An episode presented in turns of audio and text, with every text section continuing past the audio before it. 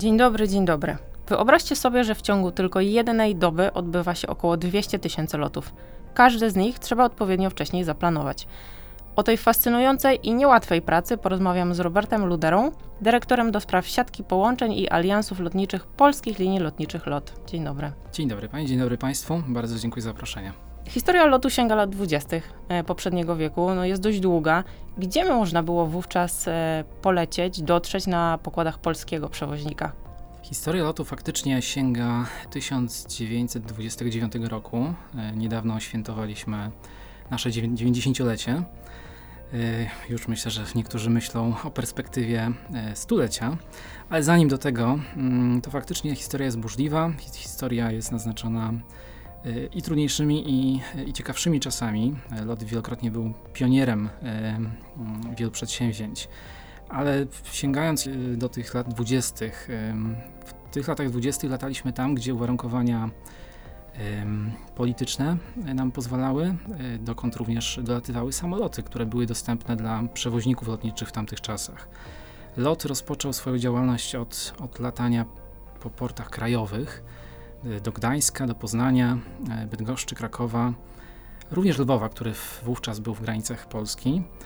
E, ale już w, 2000, w 1929 roku y, LOT posiadał dwa połączenia międzynarodowe. Y, właściwie jedno do Wiednia przez Brno. W Brnie był, był stop y, po drodze, po to, żeby dotankować samolot, zabrać również dodatkowych pasażerów. To było taką powszechną praktyką, że w, po drodze do jakiegoś portu docelowego y, trasa zakładała kilka y, przystanków y, po to, żeby dotankować samolot. Samoloty wówczas oczywiście miały inne możliwości operacyjne. Niejednokrotnie musiały właśnie stawać po drodze po to, żeby się dotankować. I, i, I, tego typu praktyka funkcjonowała jeszcze później w latach 30., a nawet, nawet w późniejszych latach. Można można jako przykład po, podać taką, mm, e, taką bardzo reprezentatywną trasę, którą lot, lot otworzył w 1931 roku. Była to trasa do Salonik i ta trasa do Salonik y, przebiegała przez Lwów, y, Czerniowce, port w Rumunii, którego nazwy nie jestem w stanie dzisiaj sobie nawet przypomnieć, y, przez Bukaresz dalej, Sofię, aż do Salonik. Później ta trasa została dalej jeszcze przedłużona do Aten, a dalej jeszcze nawet e, do Rodos, które wówczas, e, co ciekawe, były we władaniu Włoch, aż do Palestyny. Mm, w kolejnych latach ta trasa była przedłużana na północ, przez Wilno, Rygę, Tallin, aż do Helsinek. I tak przykładowo w latach 30. ta wieloodcinkowa taka magistrala powietrzna północ-południe Helsinki do Tel Awiwu funkcjonowała i podróż z Helsinek do Tel Awiwu trwała prawie dwie doby. Także były, były to specyficzne czasy. Te rejsy, takie połączenia no, wynikały właśnie z uwarunkowań e, technicznych, na, na tyle pozwalały wówczas e, samoloty. Ten czas podróży się znacznie skrócił. Dzięki Bogu, tak. To jest podcast. Cześć, pogadajmy konkretnie. A dzisiaj ile kierunków jest w ofercie lotu? Dzisiaj lot obsługuje ponad 100 kierunków. Ta liczba nieustannie się zmienia, dodajemy nowe połączenia, czasami zamieniamy jedno połączenie na inne. Natomiast tych ponad 100 kierunków, bodajże już doszliśmy do liczby 105, e, oznacza tak naprawdę też 100, niecałych 100 destynacji, gdyż niektóre kierunki są obsługiwane zarówno z Warszawy, jak i z Krakowa, z Gdańska, Rzeszowa czy, czy innych portów. Y, także mamy już ponad 100 kierunków, doszliśmy do liczby kierunków y, takiej, jaką mieliśmy przed, przed pandemią. To tworzenie siatki połączeń, e, wybieranie kierunków, no wydaje się, że to jest trochę um, planowanie wielkiej niewiadomej. Nie jest to łatwy proces. Na pewno jest to, jest to proces, w który są zaangażowane dziesiątki osób w locie, ale nie jest to wróżenie z usłów, nie jest to rzucanie rzutką e, w tarczy, na, w mapę na ścianie. E, jest to proces, w którym jest więcej analityki niż, niż zgadywania. E, zawsze zaczynamy od, od e, obserwacji danych historycznych, od tego, jak, jak dane, dany rynek funkcjonował historycznie z uwzględnieniem konkurencji. Patrz, robimy bardzo pogłębioną analizę rynku i konkurencji. Otoczenie konkurencyjne jest bardzo ważnym też argumentem w naszych decyzjach. Mamy dosyć dobrą wiedzę na temat e, tego, jak funkcjonował dany rynek e, w przeszłości. Mm, e, większość linii lotniczych sieciowych kupuje dane dotyczące przewozów lotniczych. Wiemy, którędy, jakim przewoźnikiem i mniej więcej za jaką cenę podróżowali pasażerowie w przeszłości. Więc na podstawie tych informacji dokonujemy pewnych założeń dotyczących wzrostu rynków, uwarunkowań makroekonomicznych, tego, jaką część tego rynku jesteśmy w stanie przejąć kreując nową ofertę dla tych pasażerów. A jak długo trwa proces y, od powiedzmy rozpoczęcia analizy danego kierunku do momentu, y, kiedy ten pasażer może wsiąść do samolotu? Y, mogę powiedzieć, że, że w idealnej sytuacji chcielibyśmy, żeby trwał dłużej. Y, ten proces przed pandemią można powiedzieć trwał mm, niejednokrotnie ponad rok w szczególności w przypadku połączeń dalekiego zasięgu, y, taki proces zaczyna się półtora roku, dwa lata przed pierwszym rejsem. Y, stoją tutaj na, na przeszkodzie często uwarunkowania formalne, umowa lotnicza między dwoma państwami. Plus y, przed pandemią mieliśmy sytuację, w której pasażerowie dużo wcześniej rezerwowali bilety. Dzisiaj sytuacja jest inna. Jesteśmy w sytuacji, w której tak zwane okienko bookingowe się bardzo skróciło. Więc niejednokrotnie podejmujemy decyzję w, z bardzo krótkim wyprzedzeniem o uruchomieniu nowego połączenia. Zdarzało się, że, że nowe połączenie e, uruchomiliśmy z 3-miesięcznym wyprzedzeniem.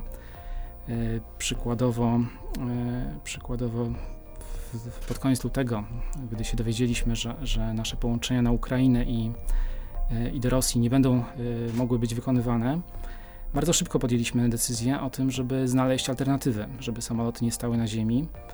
I właśnie z trzymiesięcznym wyprzedzeniem uruchomiliśmy wtedy połączenie do, e, do Baku, e, do Sarajewa, do Prisztiny. Było to oczywiście dużym wysiłkiem, ale nie żałujemy tego wysiłku, gdyż właśnie rynek się zmienił na tyle, że e, takie wyprzedzenie nie stanowi przeszkód już w uruchomieniu połączeń.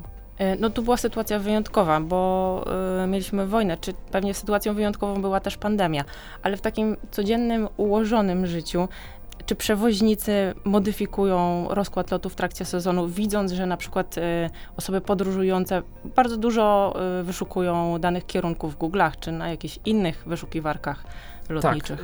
Tak, tak lot jest na tyle elastyczną linią, można powiedzieć. Mamy te procesy tak zaplanowane, że jesteśmy w stanie w trakcie sezonu dostosować skalę działalności i, i przenieść, można powiedzieć, pewne tak zwane oferowanie, pewną część naszych zasobów z jednego połączenia na drugie, które lepiej funkcjonuje w danym momencie.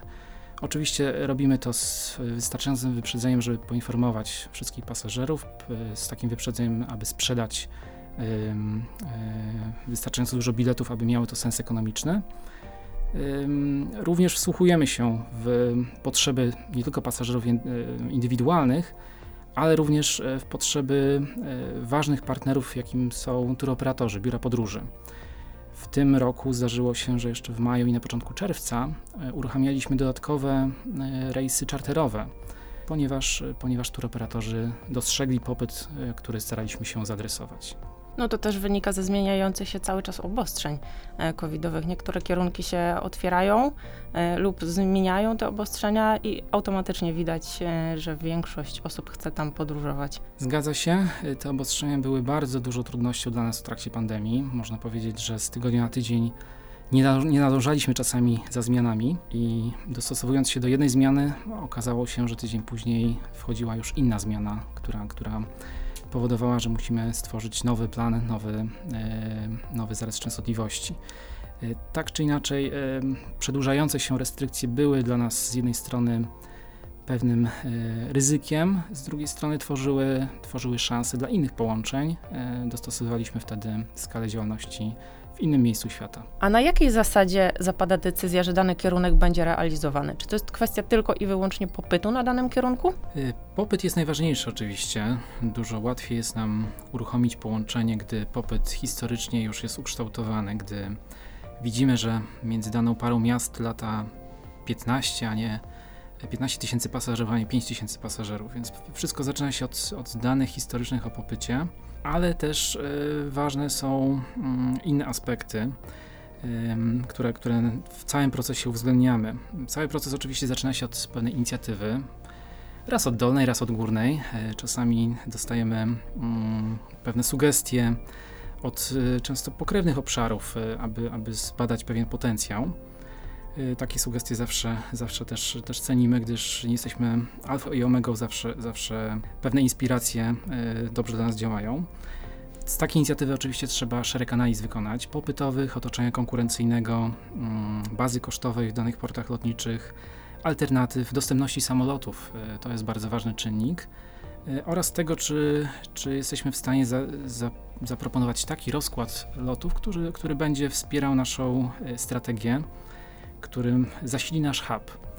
Gdy mamy pewną koncepcję operacji, przechodzimy do, do etapu konsultacji wewnętrznych, negocjacji z partnerami na zewnątrz ostatecznie, ostatecznie można powiedzieć, że wychodzimy na pewną rekomendację, która jest przedstawiana zarządowi, no i pada decyzja, ogłoszenie połączenia, uruchomienie sprzedaży. Y, skoro już przywołaliśmy tanie linie lotnicze, mm, to one prowadzą bardzo agresywną politykę cenową. Czy taki sie sieciowy przewoźnik jak LOT ma szansę w ogóle konkurować z tanimi liniami?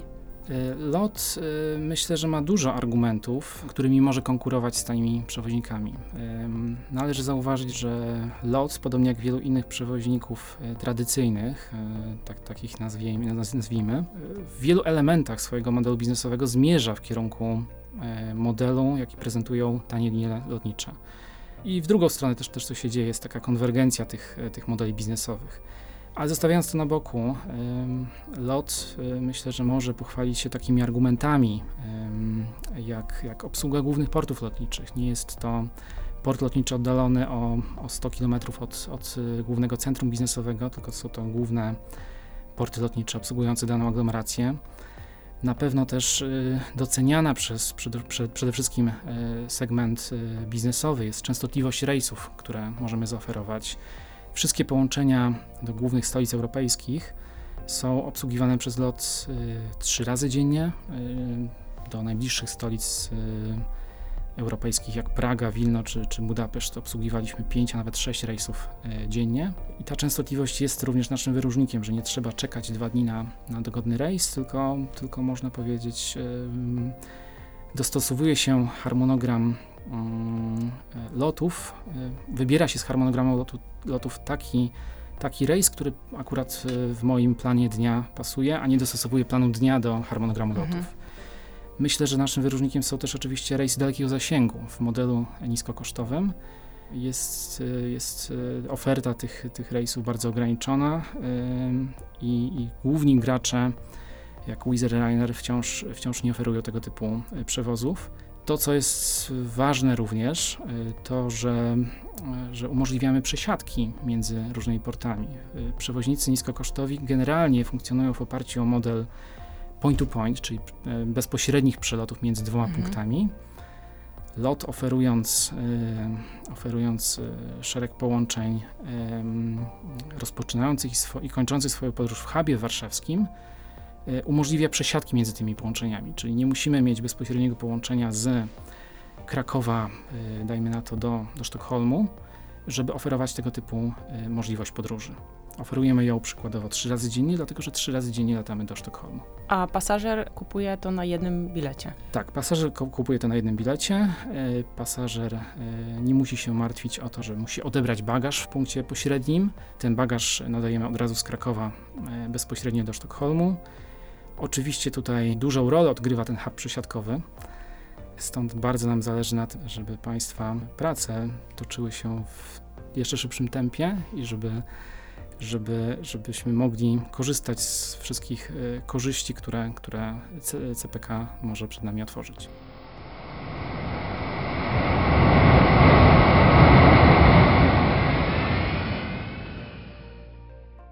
Ja do tego wątku hubu y, jeszcze powrócę, ale w międzyczasie padła informacja, że do niektórych miast y, lot wykonuje 3, a nawet 5 y, lotów dziennie. A w skali roku ile to jest operacji lotniczych? W tym roku spodziewamy się zbliżyć się do e, prawie 100 tysięcy rejsów e, rocznie, odcinków e, realizowanych na przestrzeni całego roku, aczkolwiek ten rok będzie specyficzny gdyż pierwszy kwartał to był jeszcze okres pandemii, gdzie wykonywaliśmy bardzo mało połączeń. Drugi, trzeci, czwarty kwartał będą już całkowicie inaczej wyglądały. Te 100 tysięcy odcinków rocznie to jest jakieś 70% tego, co, co było zrealizowane w 2019 roku. Wtedy nasza skala działalności oprócz ponad 10 milionów pasażerów opiewała na, e, na 130-140 tysięcy rejsów rocznie. A żeby zobrazować na tle konkurencji, gdzie się lot plasuje? Y, w Polsce czy... y, o, w Polsce, w Europie. Y, staramy się być liderem w Europie Środkowej i Wschodniej i na pewno jesteśmy takim liderem pod paroma względami. Na przykład pod względem e, liczby częstotliwości e, i kierunków obsługiwanych w Europie Środkowej i Wschodniej. Na pewno jesteśmy liderem wśród e, linii tradycyjnych. Jeśli chodzi o samą Polskę na przykład, to również nadrabiamy dystans, można powiedzieć. Jesteśmy drugim największym przewoźnikiem pod względem liczby pasażerów po Ryanerze, który jednak operuje z wszystkich portów regionalnych w nieco większej skali. W Warszawie naturalnie jesteśmy największym przewoźnikiem, y, gdzie, gdzie odpowiadamy za y, około 2 trzecie liczby operacji, ponad 2 trzecie liczby operacji i ponad 50% liczby pasażerów. Takie statystyki przede wszystkim były w 2019 roku, 2021 oczywiście wprowadziły sporo przetasowań na rynku, ale tą drugą pozycję utrzymujemy. To, co warto zaznaczyć, to że przebyliśmy długą drogę. Byliśmy przewoźnikiem numer 3 przez długi czas za drugim z dużych przewoźników niskokosztowych za Wizerem, ale w czwartym kwartale 2019 roku wyszliśmy już na, nawet na krótkie prowadzenie, na, na pierwsze miejsce, licząc pasażerów posługując się tą statystyką e, obsłużonych pasażerów w portach lotniczych podawaną przez Urząd Lotnictwa Cywilnego. Poza Warszawą, jako hubem, drugim jest e, Budapeszt. To oznacza, że no, jest lotowi ciasno na lotnisku Chopina?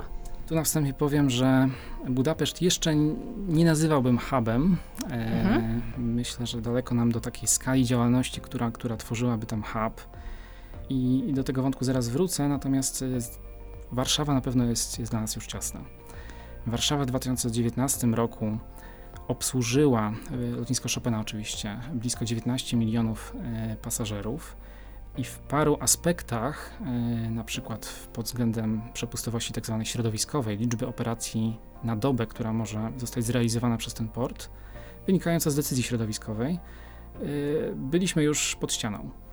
Hmm, więcej się nie dało. W miesiącach wakacyjnych więcej rejsów nie dało się zrealizować z lotniska Chopina.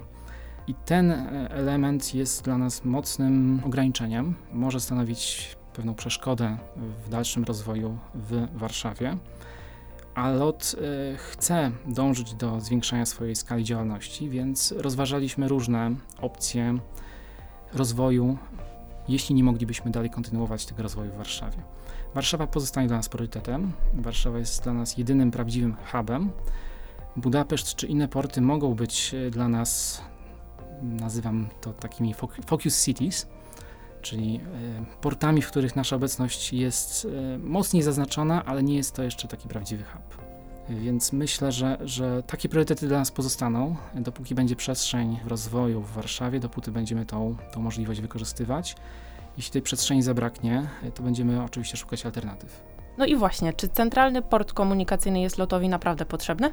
Moje osobiste zdanie jest takie, że centralny port komunikacyjny jest potrzebny nie tylko Lotowi, ale przede wszystkim Warszawie i, i Polsce. Mm, może być taką odskocznią mm, i stymulować wzrost gospodarczy, ale zostawiając te, te aspekty na boku i, i skupiając się na locie, CPK jest dla nas potrzebne po to, aby uniknąć tych ograniczeń przepustowości, o których e, przed momentem rozmawialiśmy. To nie jest tylko i wyłącznie ograniczenie środowiskowe. Środowisko to jest tylko jeden z wielu parametrów, które mogą nas w przyszłości ograniczać, wręcz właściwie pewne jest, że będą nas ograniczać. To jest również przepustowość terminalowa. Mm, to są pasy startowe, które, które byłoby trudno rozbudować. A, a rozbudowa lotniska Chopina myślę, że nie jest alternatywą ze względu na, na te czynniki społeczne, środowiskowe, położenie lotniska Chopina a także godziny nocne, które w Warszawie na Chopinie nie są dostępne. Godziny nocne na Centralnym Porcie Komunikacyjnym byłyby dla nas dodatkową możliwością generowania przychodów, wykonywania dodatkowych rejsów, które dzisiaj e, nie jesteśmy w stanie w tych godzinach e, wykonywać. Oczywiście będziemy się starali tak kształtować nasze rozkłady, aby były to konkurencyjne, e, dogodne godziny dla pasażerów, aczkolwiek są pewne typy działalności, którym nie przeszkadzają godziny późnowieczorne czy wczesnoporanne. Przykładowo jest to działalność cargo. Przykładowo jest to działalność czarterowa, która y, w Katowicach może się przykładowo odbywać 24 godziny na dobę. Mamy również nadzieję, że infrastruktura centralnego y, portu komunikacyjnego będzie bardziej dopasowana do naszego modelu biznesowego. Lotnisko Chopina, na którym dzisiaj funkcjonujemy jako przewoźnik tranzytowy, przewoźnik sieciowy, nie było zbudowane jako lotnisko przesiadkowe. Można powiedzieć, że na przestrzeni lat zostało dostosowane do, do tej roli, ale nie jest, e, nie jest zbudowane od, od, samego początku jako, jako optymalne pod tym względem. Centralny port komunikacyjny myślę, że jest dla nas szansą, żeby tak stworzyć infrastrukturę, aby lotnisko w tej roli było zoptymalizowane od samego początku. No tutaj lotnisko przyszłe lotnisko i przewoźnik są takimi naczyniami połączonymi trochę, czyli jakby e, rozwój jednego i drugiego wzajemnie jest od siebie zależny. No dobrze, ja życzę w takim razie, żeby sezon wakacyjny pozwolił odbić się od tej pandemicznej już trochę, mam nadzieję, historii, o której zapominamy. Mm, dziękuję serdecznie za spotkanie i wtajemniczenie nas e, w planowanie siatki połączeń. Ja również bardzo dziękuję za zaproszenie i serdecznie wszystkich pozdrawiam.